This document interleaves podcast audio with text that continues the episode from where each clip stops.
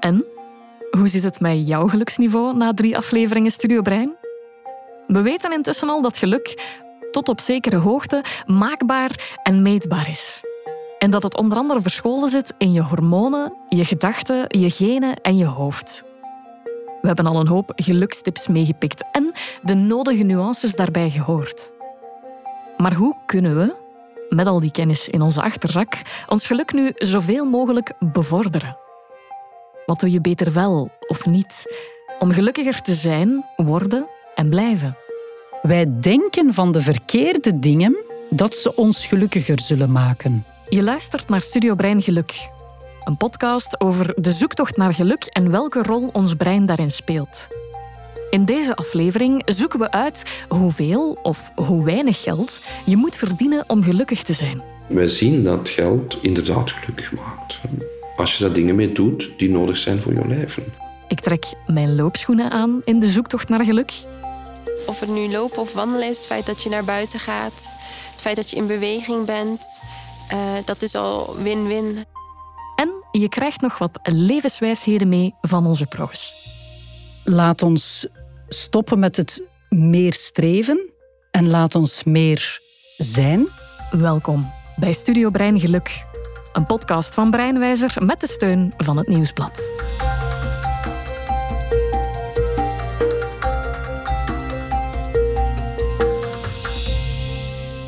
Genen, hormonen, geheugen. Allemaal goed en wel, maar er zijn toch concretere manieren om gelukkig te worden. Goed je brood verdienen of veel likes krijgen op sociale media, daar worden we toch gelukkig van? Nee? We hebben al geleerd dat externe omstandigheden, onze omgeving, invloed hebben op ons geluk.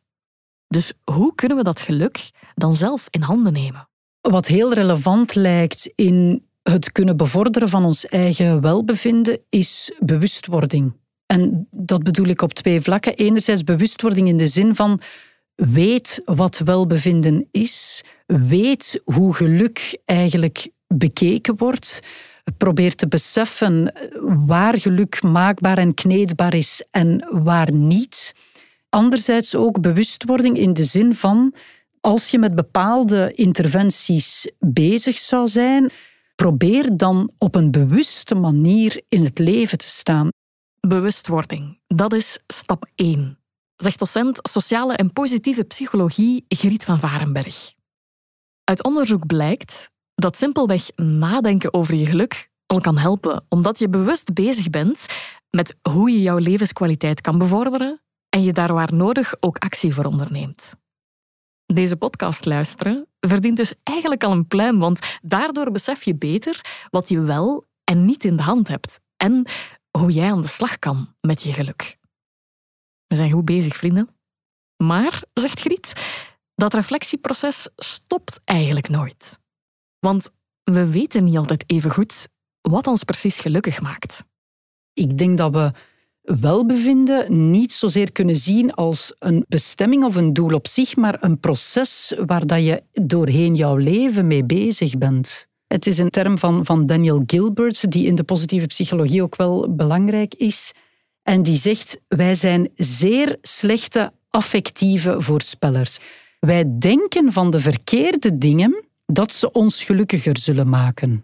Veel mensen denken, als ik dat materiële doel ga bereiken, bijvoorbeeld als ik dat huis ga hebben of als ik die centen extra zou hebben of als ik die auto zou hebben, oh ja, dan ga ik mij gelukkig voelen.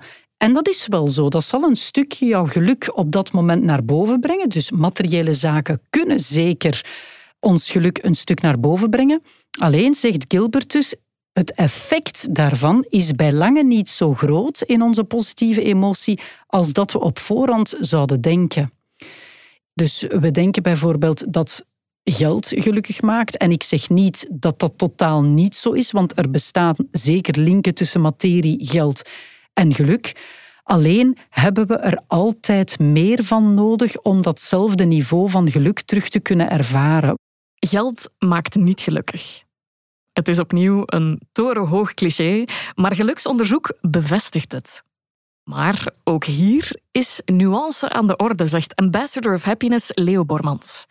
Want een gebrek aan geld maakt je wel degelijk ongelukkig. We hebben daar heel veel onderzoek naar, hè, wereldwijd, naar het effect van geld. En wij zien dat geld inderdaad gelukkig maakt.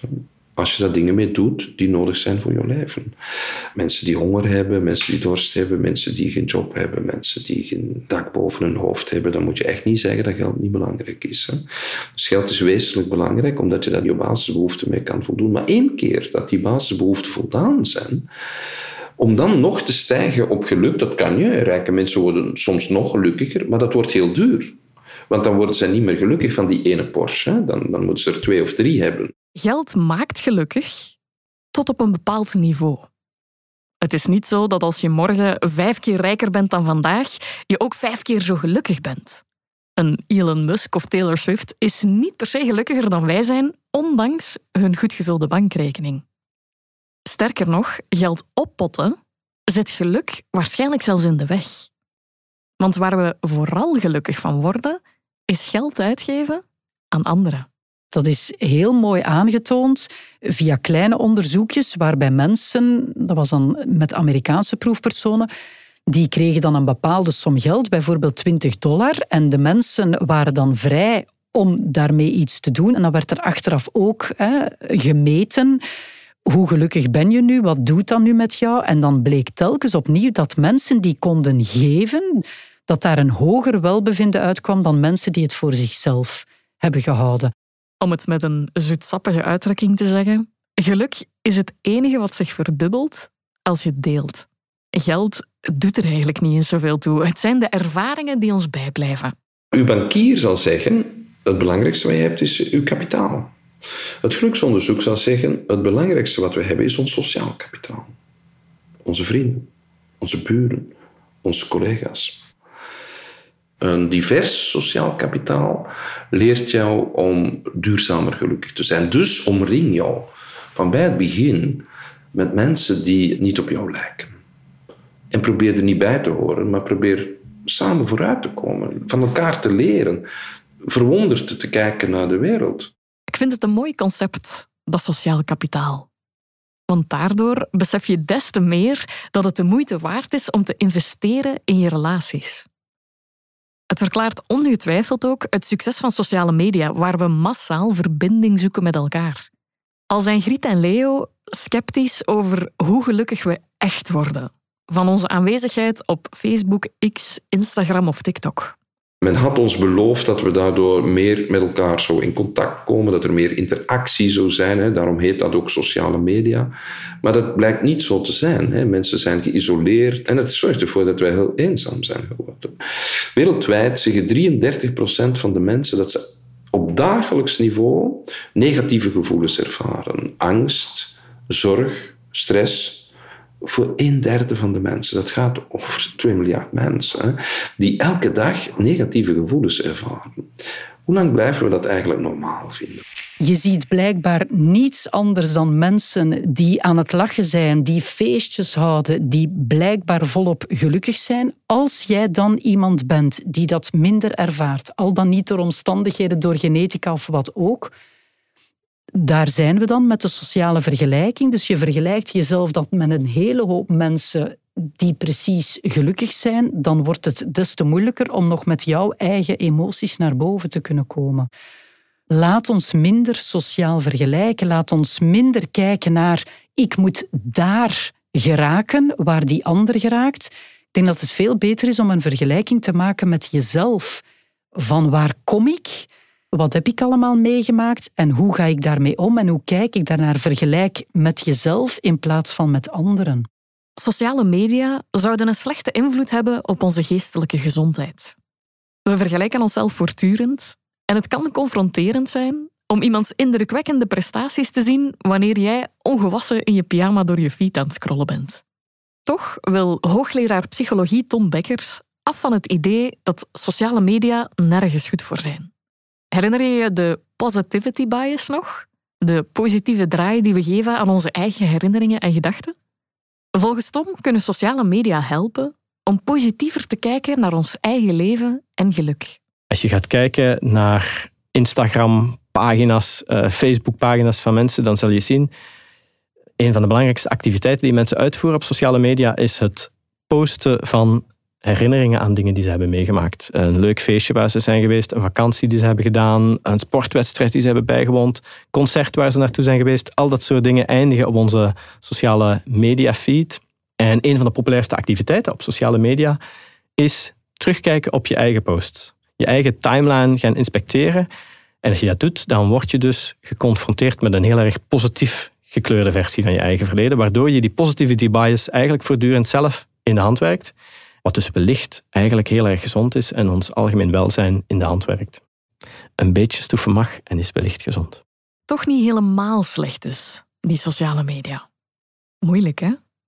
Alles wat invloed heeft op ons geluk, komt met een ja, maar boodschap.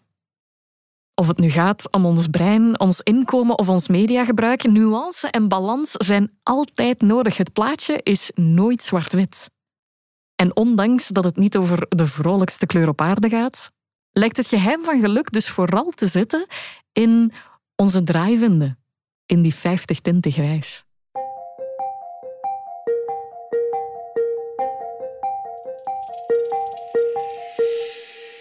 Er is moeilijk een lijn te trekken in wat ons precies gelukkig maakt, maar er zijn wel wat richtlijnen. Gezond eten, leven en bewegen bijvoorbeeld, zijn volgens de wetenschap belangrijk om niet alleen gezond, maar ook gelukkig door de dagen te komen. En dus trek ik nog een laatste sprintje in mijn zoektocht naar geluk. En dat mag je vrij letterlijk nemen. Hallo. Goedemorgen. Hallo. Ja. Fijn dat je er bent. Ja, ik ben jij benieuwd eigenlijk. Oké, ja. Ik ben in de gasthuisbossen in Ieper. Het is een regenachtige ochtend. Ik kom net uit de file en heel eerlijk, mijn kop staat niet meteen naar sporten. Maar ik voel mij nogal opgejaagd. En als er iets is dat dan misschien helpt, is het wel lopen met Tessa de Schipper. Dus ik ben Tessa en ik ben eh, van opleiding psychomotorisch therapeut. En vandaag zijn we hier voor een sessie runningtherapie. Dus wij gaan eigenlijk lopen, maar niet zozeer in de zin van dat we een bepaalde prestatie gaan leveren. Of dat ik ga zeggen van nou, je moet nu zo snel mogelijk vijf kilometer lopen of iets dergelijks. We gaan lopen met als doel om wat tot rust te komen. Dus we gaan proberen ontspanning te creëren door inspanning. Ja. Eigenlijk. Looptherapie is een soort joggen 2.0. Want vandaag lopen we niet alleen. We zoeken ook uit waarom dat zo goed is voor ons geluk. Of waar het soms mis kan lopen.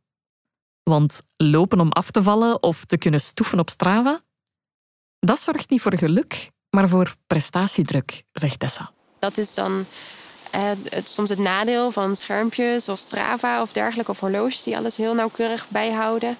Dat we willen een bepaalde tijd of een bepaalde afstand of eh, ons een bepaalde verwachting opleggen. En dan vertrekken we eigenlijk vanuit het hoofd. Terwijl ons lichaam daar soms niet helemaal niet in mee is of niet hetgeen is wat je nodig hebt op dat moment. Ik probeer ook altijd wel mee te geven aan de mensen. Bewegen sowieso, of het nu lopen of wandelen is, het feit dat je naar buiten gaat, het feit dat je in beweging bent, dat is al win-win. Dat heeft al zoveel voordelen. En aan de andere kant is het ook wel oké om jezelf af en toe uit te dagen, om wel zo ergens jezelf een beetje te pushen of wel een keer voor die snelste kilometer te gaan. Maar dan wel als dat een bewuste keuze is en als dat past bij hoe je je voelt die dag. Als je al een hele stressvolle dag hebt gehad, waar je van hot naar her hebt gereisd en je gaat jezelf ook nog een keer een soort van forceren om ook nog keihard te gaan sporten, dan, ja, dan heb je stress op stress op stress op stress. Er zit ook zoveel gedrag en overtuigingen van onszelf in verweven. En dat is ook wel het therapeutische stukje van de runningtherapie, waar we ook wel mee aan de slag gaan. Hè? Van wat voor patronen kom je van jezelf tegen of hoe ga je om als het moeilijk wordt. Dat is eigenlijk ook een beetje een spiegel van hoe je vaak in het dagelijks leven met dingen omgaat. En dan als je zo ergens die reflectie van zo'n moment mee kan nemen naar andere moeilijke momenten, dan kan dat ook heel waardevol en helpend zijn. Het doet me denken aan wat Griet eerder zei. Dat bewust omgaan met geluk kan helpen om gelukkiger te worden. Hetzelfde geldt voor sport. Door bewust om te gaan met je destructieve gedachten of patronen, haal je mogelijk een extra geluksboost uit je loopje. Want helpen doet het sowieso. Sporten is goed voor ons lichamelijk, maar ook ons mentaal welzijn. Ja, als we gaan bewegen, zoals we nu doen, wandelen, hoeven niet eens te gaan lopen eigenlijk. Al in beweging zijn zorgt ervoor dat er uh, eigenlijk tal van stofjes, hè, hormonen worden geproduceerd in onze hersenen. Uh, en die zorgen er eigenlijk voor uh, dat onze stresshormonen wat geremd worden, dat we ons beter kunnen concentreren, dat onze aandacht verbetert, dat onze creativiteit een boost krijgt. En daarnaast gebeurt er eigenlijk, gebeurt eigenlijk superveel in ons brein. En er wordt van alles geactiveerd, waardoor ons stresssysteem ook weer wat geremd wordt of tot rust komt. Um, waardoor dat ook zo ontspannend werkt. Wanneer je loopt, schiet er een soort geluksfabriekje in gang in ons brein. Dopamines, serotonines, endorfines. We krijgen een goede scheut van al die gelukshormonen. Die neuroloog Dirk Nuiten al heeft toegelicht in aflevering 2. En als extra bonus helpen die feel-good stoffen ook bij het afvoeren van stoffen die je gestrest laten voelen. Alleen maar voordelen, zou je denken. Dus waarom doe ik het dan niet wat vaker? Maar ik denk dat dat ook het moeilijke is aan hè, als je al uh, in een depressie zit of je voelt dat je aan het afglijden bent, dan is die drempel om over te gaan nog zoveel moeilijker uh, dan als je uh, lekker in je vel zit. Hè? Want dan, dan ervaren we vaak al dat het moeilijk is om in beweging te komen of te gaan sporten of naar buiten te gaan. Laat staan uh, als je al niet lekker in je vel zit. Terwijl je het dan eigenlijk juist wel nog extra hard kunt gebruiken. Ja, dan is die stap ook gewoon heel lastig en moeilijk. En dan denk ik dat het ook wel oké is om uh, daar bijvoorbeeld hulp in te vragen. En dat hoeft niet per se te zijn van een professional, maar gewoon iemand in je omgeving die je meeneemt een keer naar buiten. Dat ze je ook uh, bij wijze van spreken even mee kunnen nemen bij de hand. En zeggen van oké, okay, ja, ja, op een vriendelijke manier. Hè.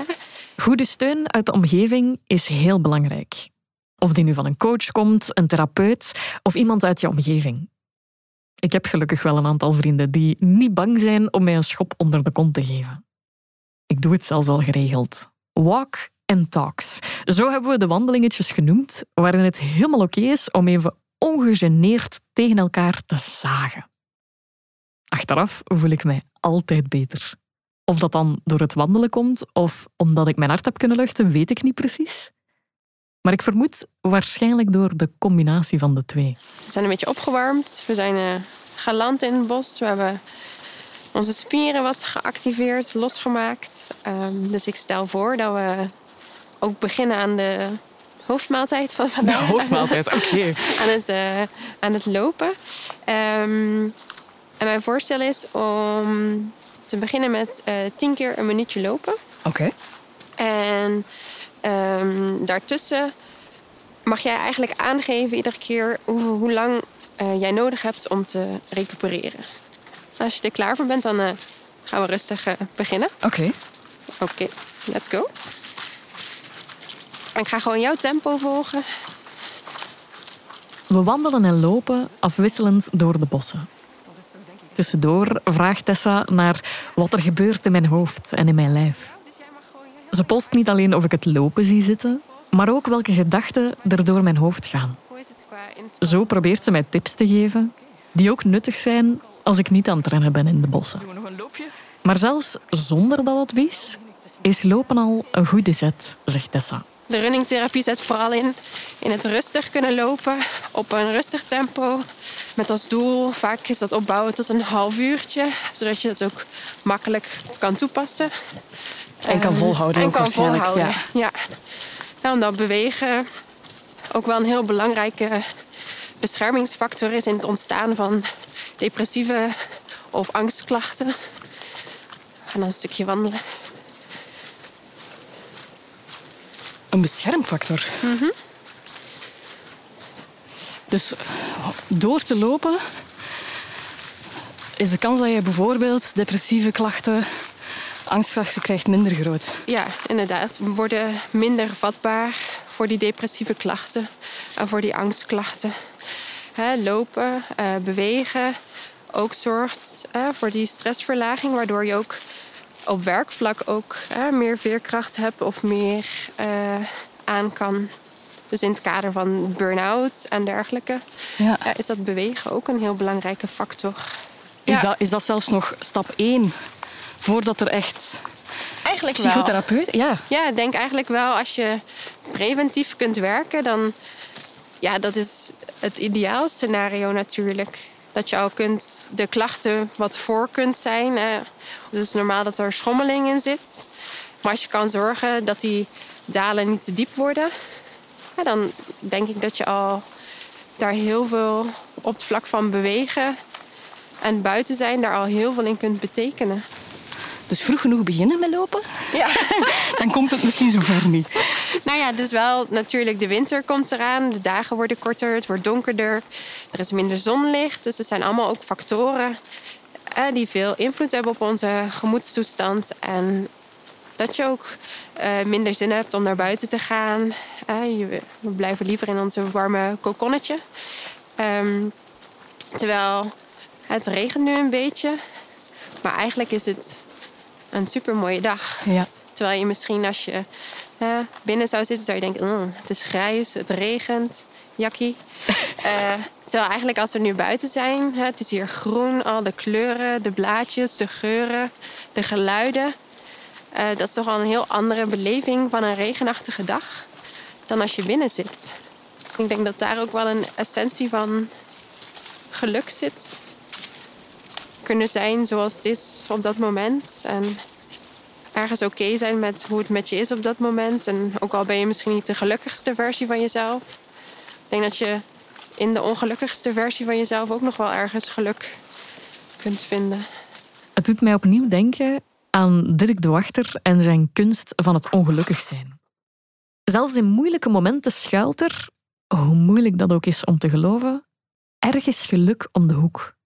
Voor Tessa is het heel erg helder dat dat makkelijker te vinden is in de buitenlucht en door te bewegen. Haar advies voor wie gelukkiger wil worden? vooral doen. Uh, vooral gaan bewegen. Naar buiten gaan. Uh, en de lat daarin voor jezelf zo haalbaar en realistisch mogelijk leggen. Uh, dat het ook oké is om tien minuutjes te wandelen.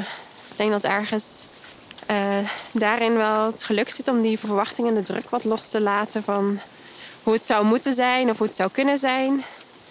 Um, maar daarbij meer na te gaan van oké, wat heb je. Ik voel me nu zo op dit moment en wat heb ik daarbij nodig en wat kan ik nu doen? Ja, ja en dat is inderdaad nog veel breder dan sport alleen. Dat is eigenlijk mm. gewoon een zekere mildheid voor jezelf ja, tentoonspreiden. Ja, ja. Lief zijn voor jezelf. Dat is al één stap richting geluk, zegt Tessa.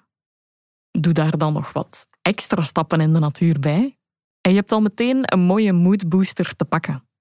En zo blijkt, nog maar eens, dat je voor geluk inderdaad niet al te veel nodig hebt. Een paar stevige wandelschoenen doen al heel wat.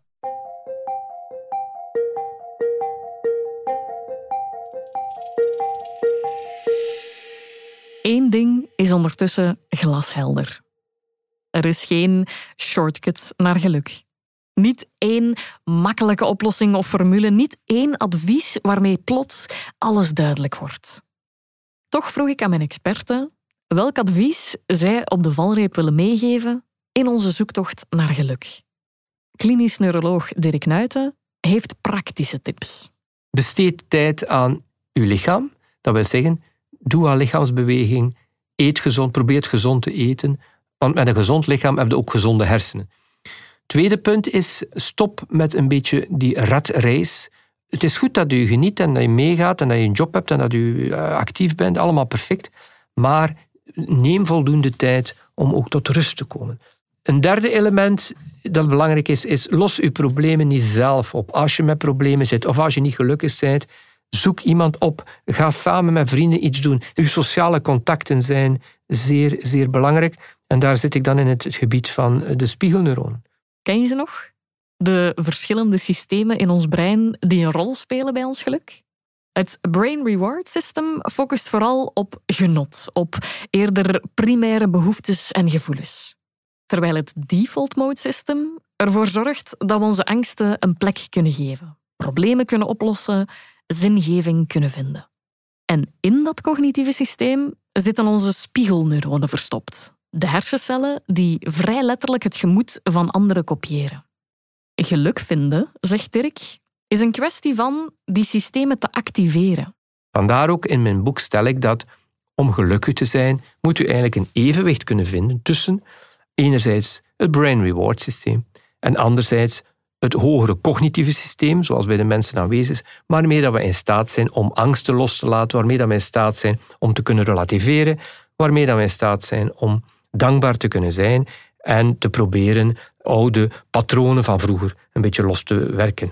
Een gezonde geest in een gezond lichaam en een balans tussen onze breinsystemen. Genoteerd. Geluksambassadeur Leo Bormans raadt dan weer aan om onze prioriteiten goed op orde te stellen.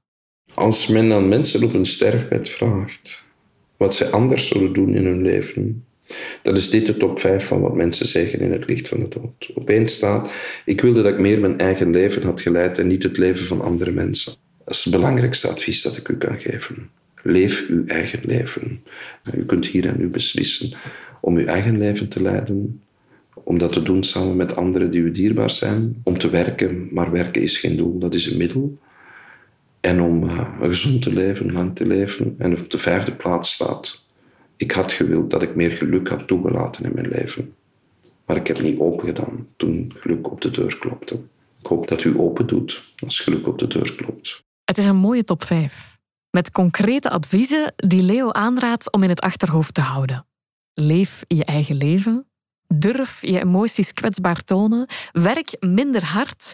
Maak meer tijd voor het goede leven. En laat geluk. Het zijn wijsheden die ook Jens den Donker over de jaren heen heeft opgepikt.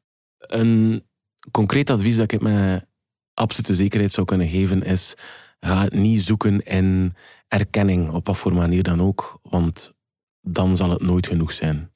Ik zou ondertussen mogen 25 onderscheidingen en eredoctoraten hebben gekregen of al het geld van de wereld hebben verdiend. Dat zou nooit echt mijn gevoel veranderen naar hoe waardevol, om het dan maar zo te zeggen, dat ik mezelf vind. Als je met een, een leegte zit binnenin u, dan gaat die met de goedkeuring van anderen of met de verwezenlijkingen die je dan zogezegd neerzet, gaat de put nooit kunnen dichten. Gaat de leegte nooit kunnen uh, dichtplamuren. Dus dat is iets dat ik denk dat je gewoon moet van afstappen. En als je toegeeft aan jezelf van ik ga altijd onzeker zijn over mijn positie in de wereld, dat daar ook een kracht in zit. En dat erkennen voor jezelf en naar anderen toe, dat zou mijn advies zijn. Die komt binnen. Want als prestatiegerichte perfectionist loop ik geregeld tegen de lamp als het aankomt op zelfliefde. Uiteraard heeft dat impact op mijn geluksniveau. Minder moeten en meer zijn. Het is meteen ook de goede raad van docenten sociale en positieve psychologie Griet van Varenberg. Wat ik zou willen meegeven is: laat ons stoppen met het meer streven en laat ons meer zijn. Daarnaast lijkt mij ook heel nodig, als we het hebben over geluk en welzijn, om meer in connectie te gaan. En dan bedoel ik zowel connectie met anderen als connectie met onszelf, omdat die twee echt wel van belang zijn. Wees zorgzaam en liefdevol in uw connecties. Dat is heel simpel gezegd, maar dat is niet altijd zo makkelijk. Hè? Dus de essentie zit hem in de menselijke relaties. En daar zorgzaam, voorzichtig, bedachtzaam, liefdevol mee omgaan. Dat is eigenlijk de kern van het goede leven. En dat is het waarachtige geluk. Dat de impulsieve, fantastische, heel dikwijls gecommercialiseerde geluksaanbiedingen sterk overstijgt. En dat eigenlijk ook gratis is. Het geluk zit in de ander. Dat is de tip die psychiater Dirk de Wachter graag wil meegeven. En daarmee hebben we toch een lading levenswijsheid opgepikt over die vier afleveringen heen. die het mogelijk makkelijker maken om geluk te vinden, of die op zijn minst helpen te aanvaarden dat het ook helemaal oké is als dat niet zo vlot lukt. Of dat nu met je genen, brein, hormonen, gedrag of omgeving te maken heeft. Het idee dat we met die kennis allemaal een stapje dichter komen bij geluk, maakt mij alvast heel wat gelukkiger. Dit was de vierde en laatste aflevering van Studio Breingeluk, een podcast van Breinwijzer met de steun van het Nieuwsblad. Je hoorde mij, Shalini van den Langenberg, en ook Tom Bekkers, Griet van Varenberg, Leo Bormans, Dirk Nuiten, Dirk de Wachter, Tessa de Schipper en Jens den Donker. Deze reeks werd gemaakt door podcast Agentschap Uitgesproken. Heb je nog vragen of reacties? Dan zijn die welkom via info.breinwijzer.be. Bedankt voor het luisteren.